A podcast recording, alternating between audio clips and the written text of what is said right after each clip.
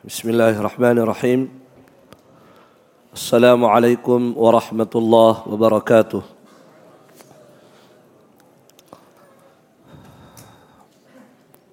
الحمد لله حمدا كثيرا طيبا مباركا فيه. أشهد أن لا إله إلا الله وحده لا شريك له. ولي الصالحين وأشهد أن محمدا عبده ورسوله. خاتم النبيين صلوات الله وسلامه عليه وعلى آله وأصحابه أجمعين. أما بعد معاشر المسلمين والمسلمات رحمني ورحمكم الله. الحمد لله senantiasa kita memuji Allah Subhanahu wa taala yang memberi kemudahan kepada kita untuk bisa kembali berkumpul hadir di rumah Allah Subhanahu wa taala ini untuk kita menghidupkan malam bulan Ramadan ini dengan ibadah kepada Allah Subhanahu wa taala. Dan seperti biasa sebelum kita salat tarawih kita kembali akan membacakan ya kitab Al-Adabul Asyarah karya Syekh Salih Al-Usaimi hafizahullah. Taib. Selanjutnya kata beliau Al-Khamisu yang kelima adab yang kelima Ida ataita madja'aka فتوضأ ونم على شقك على شقك شقك الأيمن. واتلو آية الكرسي مرة. واجمع كفيك واقرأ فيهما سورة الإخلاص والمعوذتين. وانفث فيهما wamsah bihima mastata'ta min jasadika taf'alu dhalika thalathan Kata beliau jika engkau akan mendatangi tempat tidurmu maka berwuduklah dan tidurlah di atas sisi kananmu dan bacalah ayat kursi sekali dan kumpulkanlah kedua telapak tanganmu. Kemudian bacakan pada kedua telapak tanganmu surah al-ikhlas.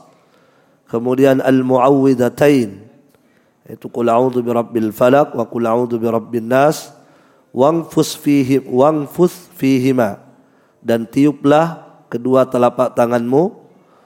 Dan usap usaplah seluruh badanmu yang mampu kamu usap ya semampumu ya. Taf'alu dzalika thalathan. Engkau melakukan itu sebanyak tiga kali. Taib.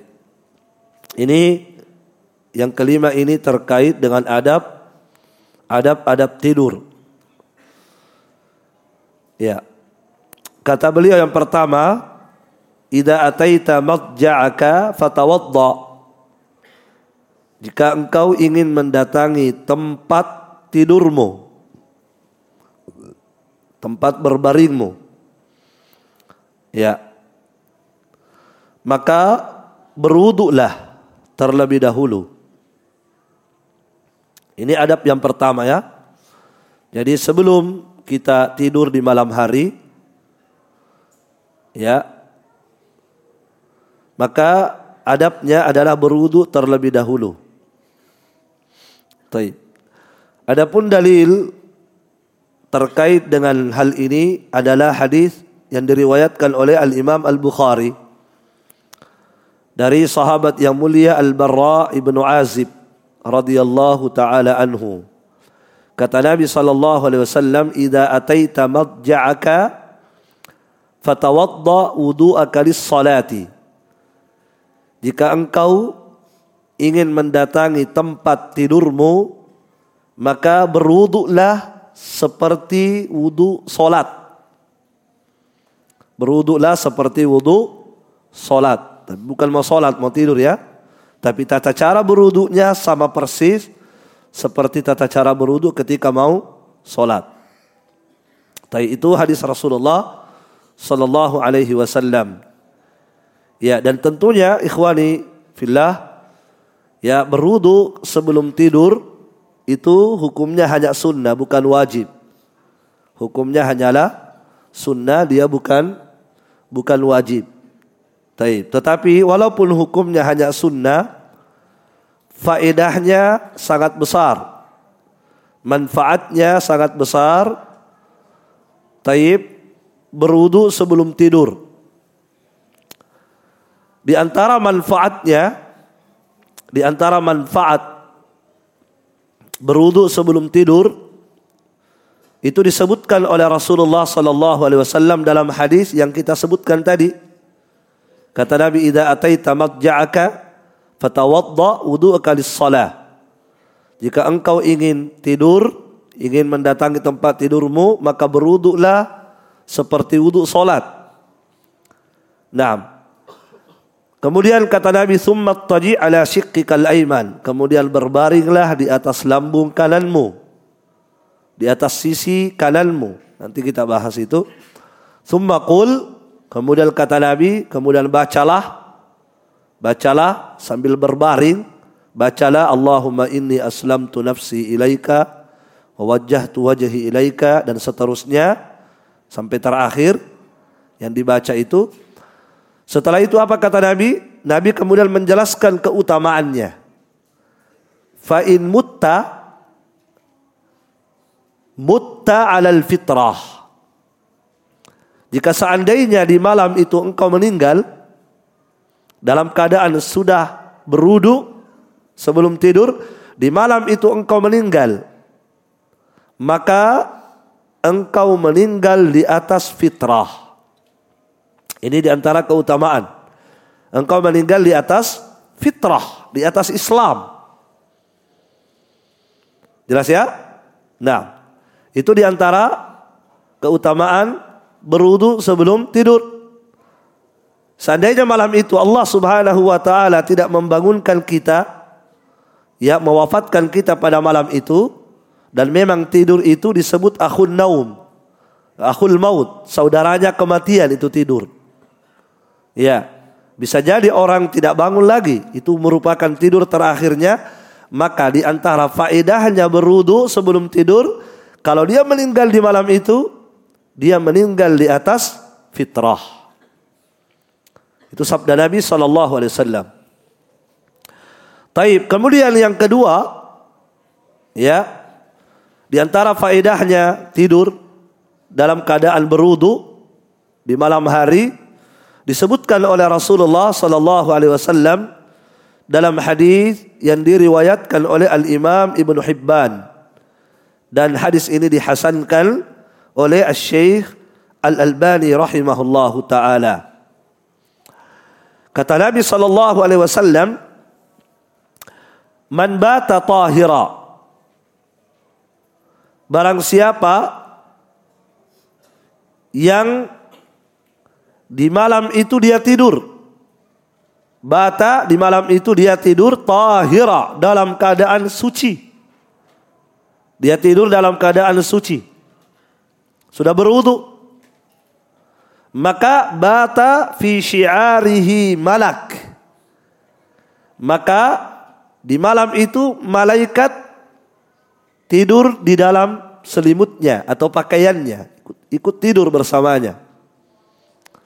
Fi di dalam pakaiannya atau di dalam selimutnya. Falam yastayqidh illa qala al-malak maka tidaklah dia terbangun kecuali malaikat berkata. Tadi malaikat yang bersamanya, maka tidaklah dia terbangun kecuali malaikat itu berkata, Allahumma gfir li abdika fulanun. Fa innahu bata tahira. Ya Allah, berikanlah ampunan kepada hambamu si fulan ini. Karena sesungguhnya dia telah tidur dalam keadaan su suci. Maka di antara faedah, manfaat, buah ketika seseorang berwudu sebelum tidur Maka dia tidur bersama ya bersama dia malam itu adalah malaikat.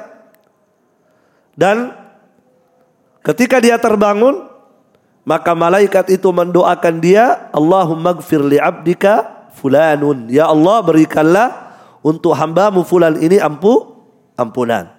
Dimohonkan ampunan oleh malaikat Allah Subhanahu wa taala. Itu di antara faedah tidur dalam keadaan beru berwudu. Taib. Nah, Al-Hafidh Ibnu Hajar Al-Asqalani rahimahullahu taala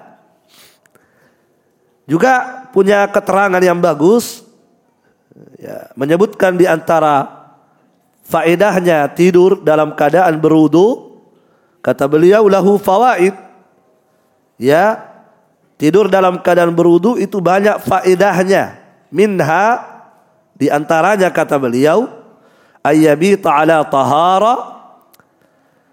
Ketika dia tidur dalam keadaan suci maka tatkala kematian itu datang tiba-tiba kepadanya ketika kematian datang tiba-tiba di malam itu sebab kematian itu datang tiba-tiba. Ya kan begitu ya? Innahu yarawnahu ba'ida wa narahu qariba kata Allah. Sesungguhnya manusia itu selalu memandang kematian itu jauh, masih jauh, padahal kami melihat kematian itu sangat dekat. Orang selalu memandang kematian itu ya mungkin saya mati nanti tahun berikutnya. Tetapi ternyata Allah memandang bahwa kematianmu bukan tahun depan tapi malam ini. Di saat kamu tidur. Wanarahu qariba kata Allah. Sementara kami memandang kematian itu qarib, sangat dekat. Maka Al-Hafidh Ibnu Hajar menyebutkan bahwa ketika seseorang tidur di malam hari dalam keadaan suci, maka diharapkan ketika kematian datang tiba-tiba kepadanya, fayakunu ala hayatin kamila. Maka dia meninggal di atas hayah yang sempurna. Di atas kondisi yang sempurna. Ya, itu pertama. Diharapkan dia meninggal di atas apa? di atas kondisi yang betul-betul sempurna. Karena sudah berudu. Taib. Yang kedua, ya kata beliau, wa yata'akkadu dzalika fi haqqil muhdits dan lebih ditekankan lagi, lebih ditekankan lagi untuk berudu sebelum tidur itu bagi mereka yang berhadas. Bagi mereka yang berhadas. Apakah hadas besar atau hadas kecil itu lebih ditekankan lagi untuk berwudu sebelum tidur. Wala siyama al junub terutama mereka yang sedang junub. Yang sedang junub itu ditekankan berwudu sebelum tidur. Ya. Kenapa? Kenapa ditekankan berwudu sebelum tidur bagi mereka yang terutama mereka yang junub? Wa huwa ansyatu lil audi Nah, ini mohon maaf ini. Ya. Bagi jomblo mohon maaf. karena kata Al-Hafidz Ibnu Hajar karena berwudu sebelum tidur yang junub ini ini akan lebih semangat lagi mengulang. Aisyatu lil aud, lebih semangat nanti nanti untuk mengulang kembali. Mengulang apa? Ya, masing-masing tahu sendiri. Wa qad yakunu munassitan lil ghusli. Di antara faedahnya ketika dia berwudu sebelum apa? Sebelum tidur. Ya bagi mereka yang junub terutama itu nanti terkadang itulah yang menjadikan dia lebih semangat untuk mandi. Paham? Karena kadang orang yang junub itu kadang untuk mandi junub nanti ketika bangun subuh atau bangun tengah malam itu berat, kadang berat. Ya, kadang berat ya. Maka dengan berwudu terlebih dahulu munasyita itu yang akan apa menjadikan dia lebih bersemangat untuk man, mandi nanti. Dipahami? Baik. Wa minha kemudian kata Al-Hafidz Ibnu Hajar di antara faedahnya juga berwudu sebelum tidur ayyakuna asdaqa li ru'yahu wa ab'ada min tala'ubi syaitani bihi Ya, berudu itu akan ya membawa dia kepada mimpi yang lebih jujur, asdak. Akan membuat dia bermimpi mimpinya lebih jujur. Bukan mimpi-mimpi apa? Ya bukan istilah orang bunga-bunga tidur tok. Mimpi-mimpi kosong. Tidak ada takwilnya tidak ada maknanya mimpinya. Nah ketika dia berudu sebelum tidur maka asdak maka mimpinya dia ketika dia bermimpi itu lebih asdak lebih jujur mimpinya lebih benar. Lebih bermakna mimpinya. Difahami? Ya Beda dengan orang yang tidak berudu sebelum tidur. Ah, macam-macam mimpinya. Mimpinya mimpi-mimpi kosong.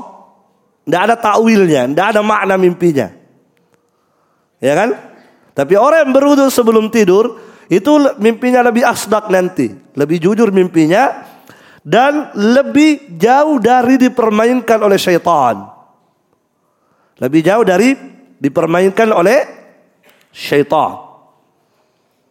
Ya. Terutama ketika kita tidur, wah banyak syaitan di situlah syaitan luar biasa ya. Apalagi kalau tidak berzikir sebelum tidur, tidak baca ayat kursi sebelum tidur, wah dipermainkan oleh syaitan. Dipukul oleh syaitan dalam tidurnya. Ya, di pokoknya dikerjain oleh syaitan dalam tidur. Tala'u. Nah, di antara faedah berudu, ketika orang berudu, itu lebih jauh dari hal itu. Orang lebih aman dari permainan-permainan syaitan. Jelas ya? Nah, itu ikhwani wa khawati fillah rahimani wa rahimakumullah. Ya di antara fawaid seseorang berudu sebelum sebelum tidur. Dan tentunya tidak ada faedah yang lebih besar kecuali dia telah mengikuti apa? Faedah yang lebih besar daripada itu semua adalah dia telah mengikuti perintah Rasulullah sallallahu alaihi wasallam, "Wa may yuti'illah wa rasulahu faqad faza fauzan azima. Itu faedah lebih besar tentunya. Barang siapa yang mentaati Allah dan mentaati Rasulnya, maka sungguh dia telah mendapatkan keberuntungan yang sangat-sangat besar. Taib. Nah, berpahala tentunya ya. Ketika dia lakukan ini pasti berpahala dan dia akan mendapatkan pahalanya kelak di hari di hari kiamat di samping fawaid yang telah kita dengarkan tadi ia didoakan oleh malaikat lebih semangat nanti untuk mandi ya kalau dia junub ya kemudian lebih lebih sempurna kondisinya ketika dia tidur kemudian uh, jauh dari dipermainkan oleh oleh syaitan. Taib. Bagaimana kalau ada seseorang dia masih belum batal wudhunya? Ya, taruhlah misalnya habis salat Isya belum batal wudhunya kan? Mau tidur dia. Apakah disunahkan lagi berwudhu atau cukup dengan wudhu sholat isyanya? Ataukah disunahkan lagi memperbaharui wudhunya ketika mau tidur? Bisa difaham? Ya. Taib. Al-Imam Nawawi rahimahullahu taala berkata, "Fa in kana mutawaddian kafahu dalikal wudu. Jika seandainya dia telah berwudu, sudah ada wudunya, maka wudu tersebut telah cukup baginya. Itu sudah cukup, tidak perlu lagi berwudu, berwudu ulang, tidak perlu. Kenapa? Di annal maksuda an-naumu ala taharatin. Karena maksud utama disyariatkan berwudu sebelum tidur adalah supaya dia tidur di atas kesuci kesucian. Itu maksud utama. Kenapa disuruh berwudu sebelum tidur? Apa maksud utamanya? Supaya seseorang itu tertidur di atas kesucian dalam kondisi su suci. Ketika wudhunya belum batal berarti sudah tercapai maksud yang diingin diinginkan. Ya, sehingga dia tidak perlu berwudu lagi. Taib. Nah. Barakallahu fikum. Kemudian berikutnya yang kedua adab yang kedua tadi adab sebelum tidur beruduk dulu.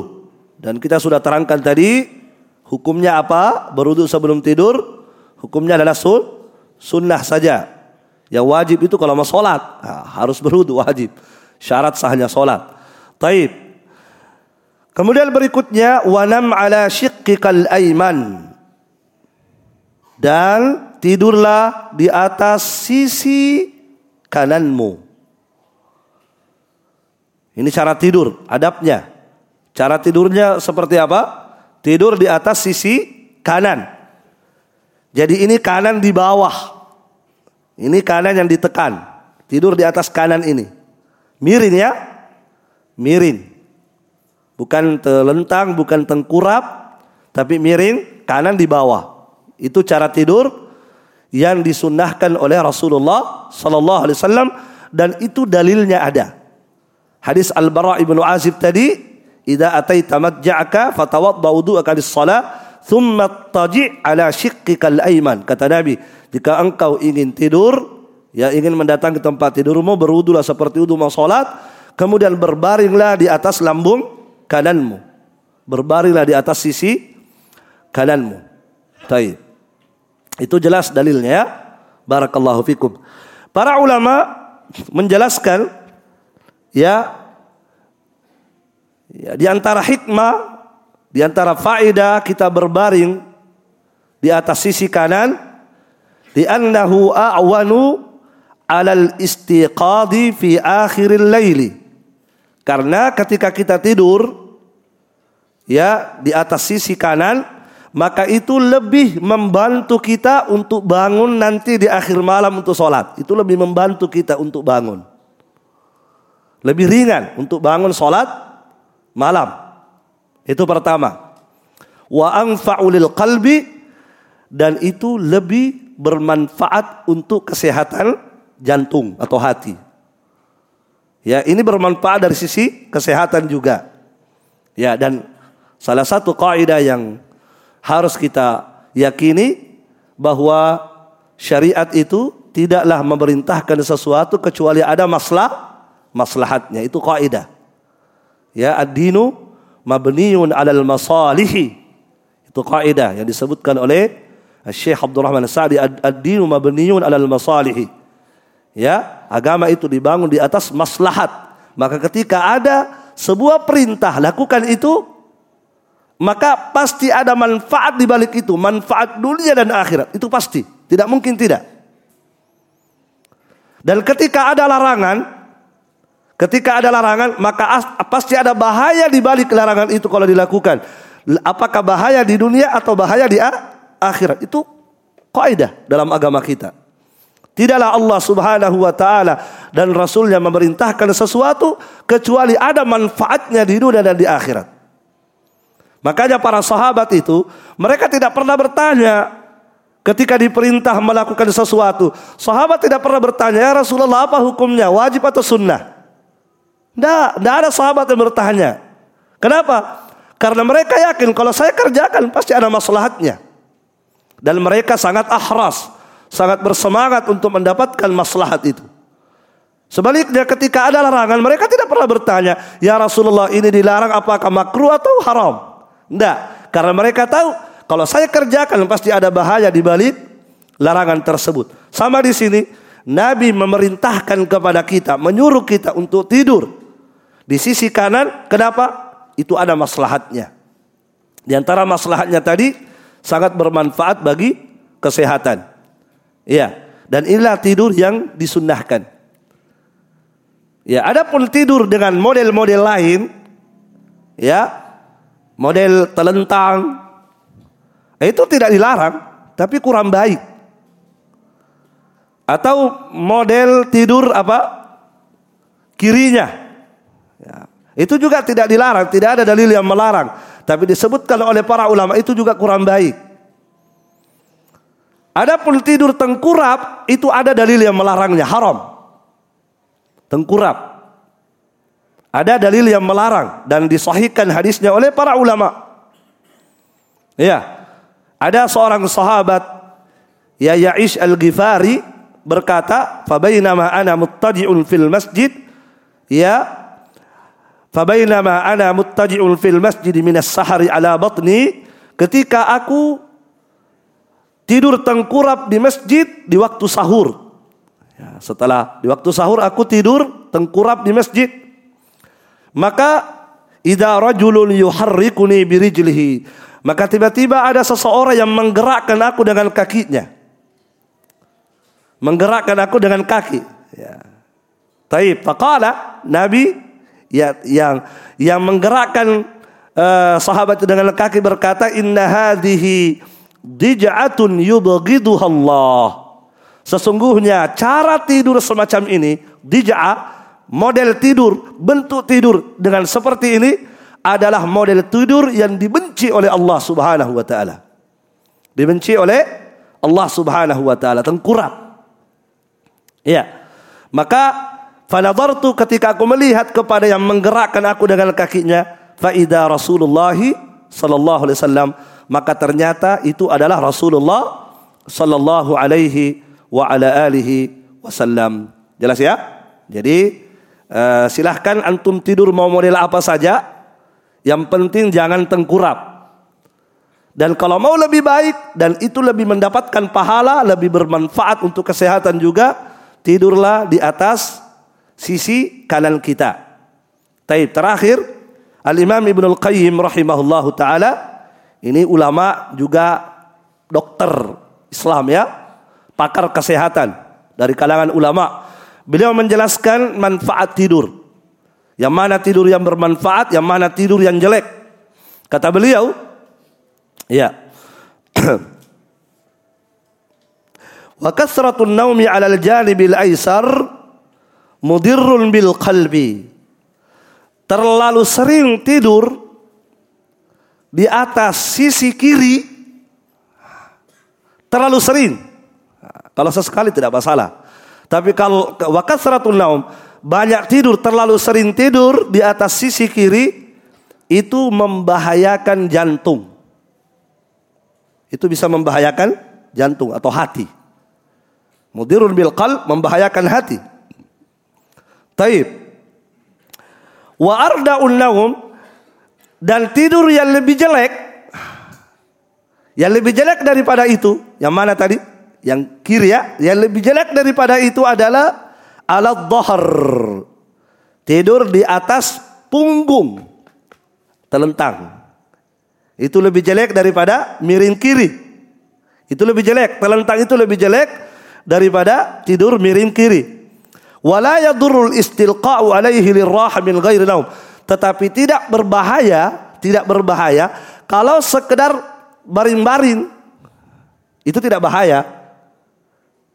Ya, kalau sekedar baring-baring tidak, tidak tidur, tidak terpedam matanya apalagi sampai mengorok. Ya, ya kalau sekedar baring-baring saja itu tidak apa-apa kata Ibnu Qayyim. Ya kan kadang-kadang kita mau meluruskan badan, akhirnya kita telentang itu tidak masalah. Tidak berbahaya kalau sekedar berbaring tok min ghairi naum tidak tidur. Tapi kalau tidur itu lebih jelek daripada apa? Yang miring kiri.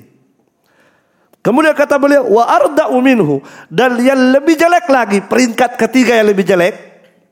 Peringkat pertama yang jelek tadi apa? Kiri. Peringkat kedua ah, telentang. Yang lebih jelek lagi daripada itu semua adalah ayyanama munbatihan ala wajhihi. Dia tidur dalam keadaan berbaring di atas muka. Membatih berbaring di atas muka. Artinya mukanya menghadap ke bawah. Itu telung tengkurap atau telungkup. Nah, ini lebih jelek lagi. Jadi tidur yang paling jelek adalah tengku tengkurap. Kemudian lebih jelek yang eh, yang lebih ringan lagi apa? Nah, tidur eh, berbaring, apa? Tidur eh, telentang. Kemudian yang lebih ringan sedikit yaitu ke kiri. Nah, yang paling bagus adalah miring ke ke kanan. Allah alam bisawab. Dan kalau kita melakukan itu, mengamalkan hadis ini, kalau antum melakukan itu, mengamalkan hadis ini, mencontoh hadis ini, maka kita mendapatkan paha. Pahala itu jelas. Barakallahu fikum. Taib cukup. Sampai di sini, insyaallah taala Sebentar kita akan sebutkan eh, apa yang dibaca sebelum tidur. Dikir-dikir yang dibaca sebelum tidur yang disebutkan oleh Syekh Saleh Al-Utsaimin hafizahullah wa ra'ah. Subhanakallahumma bihamdik asyhadu an la ilaha illa anta astaghfiruka wa atubu ilaik. Wassalamualaikum warahmatullahi wabarakatuh. Bismillahirrahmanirrahim. Alhamdulillah. Alhamdulillah wa kafa.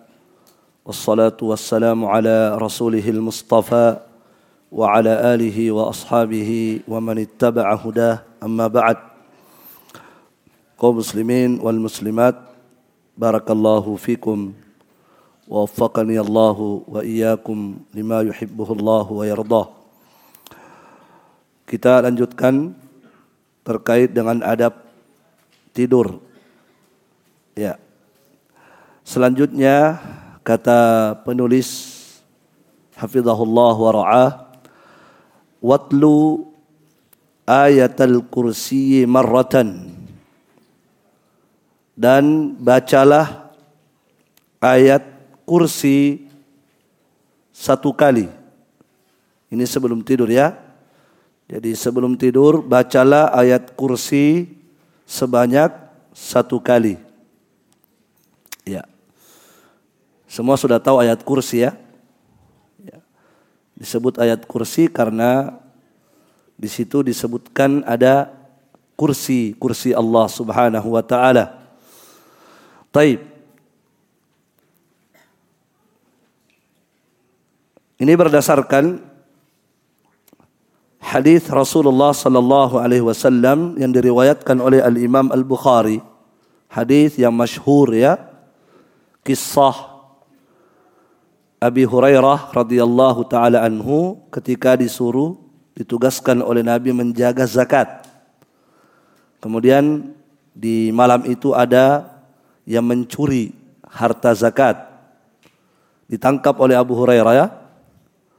Ya, ditangkap oleh, oleh Abu Hurairah. Kemudian pencuri itu berkata, "Da'ni u'allimka kalimatin yanfa'uka Allahu biha." Wahai Abu Hurairah, lepaskan saya. Kalau engkau lepaskan saya, maka saya akan mengajarkan kepadamu beberapa kalimat yang dengan kalimat itu Allah memberikan manfaat kepadamu.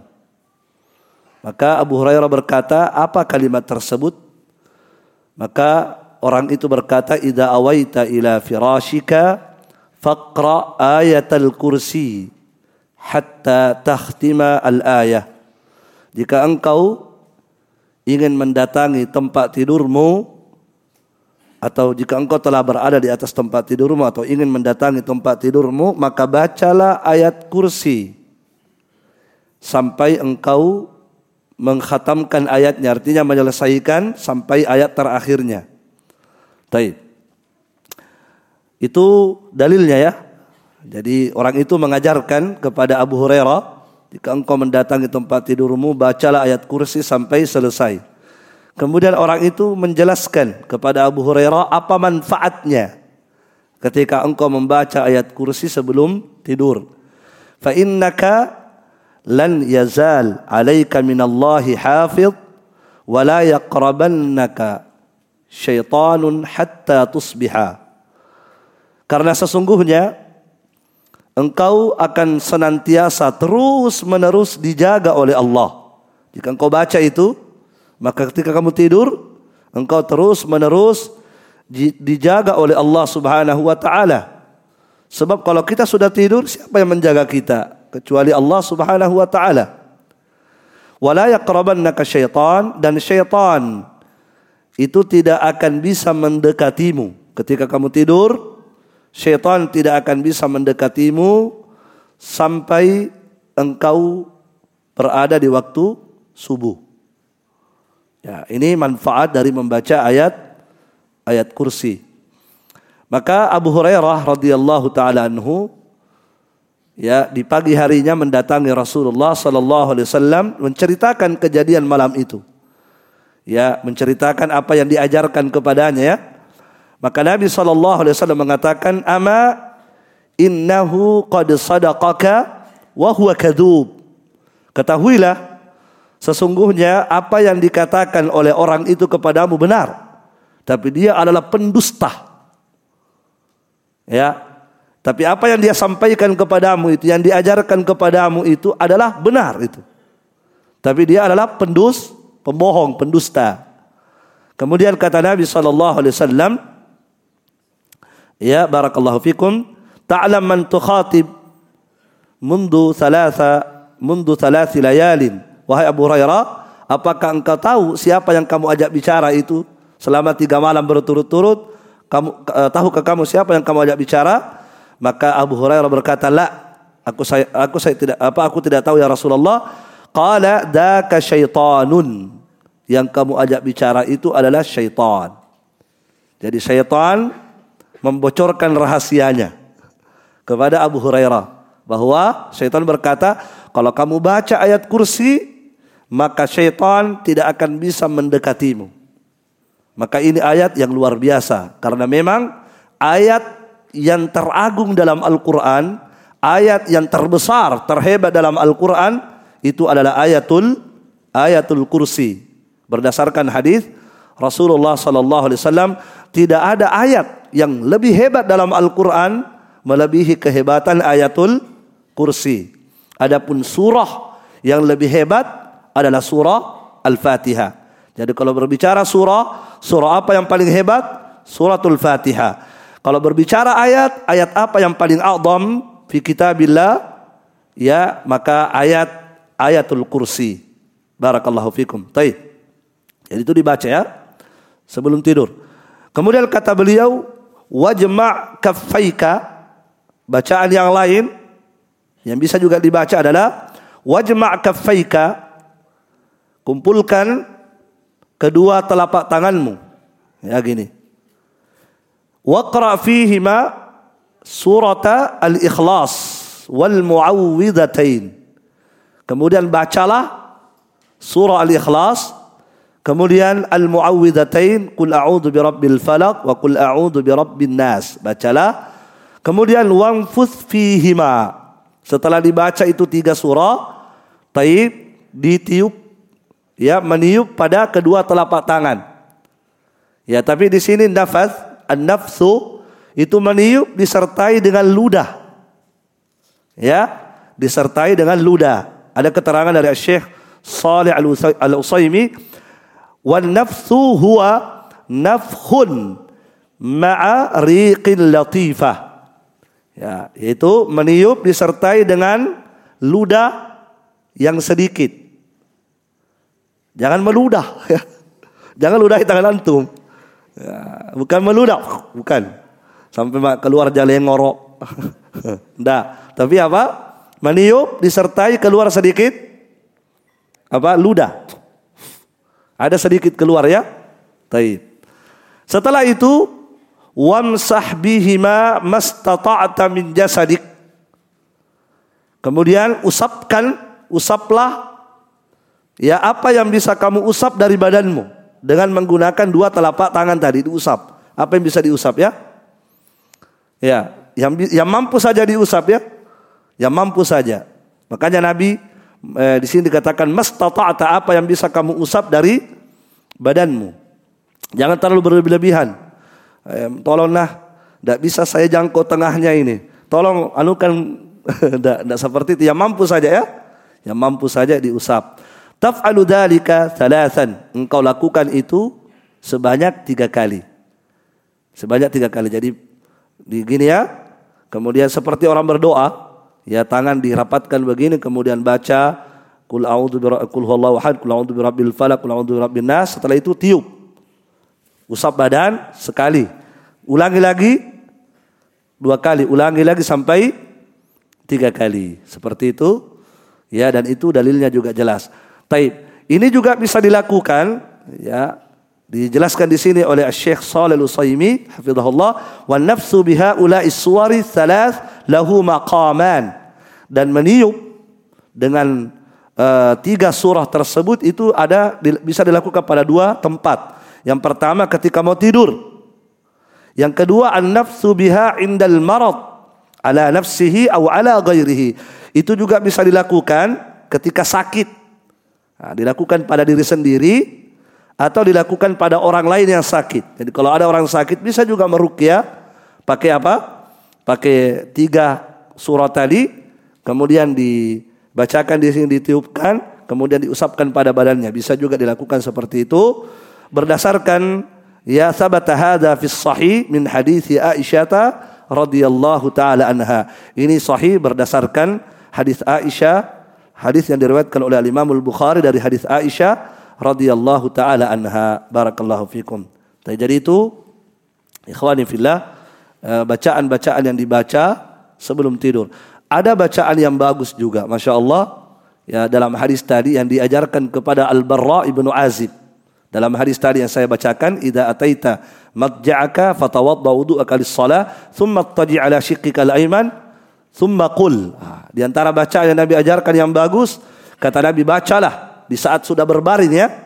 Di saat sudah berbaring di kanan ini kita baca, "Allahumma inni aslamtu nafsi ilaika wa wajjahtu wajhi ilaika wa fawwadtu amri ilaika wal ja'tu dhahri ilaika ragbatan wa rahbatan ilaika." la malja'a wa la manja minka illa ilaika amantu bi kitabika alladhi anzalta wa bi nabiyyika alladhi arsalta.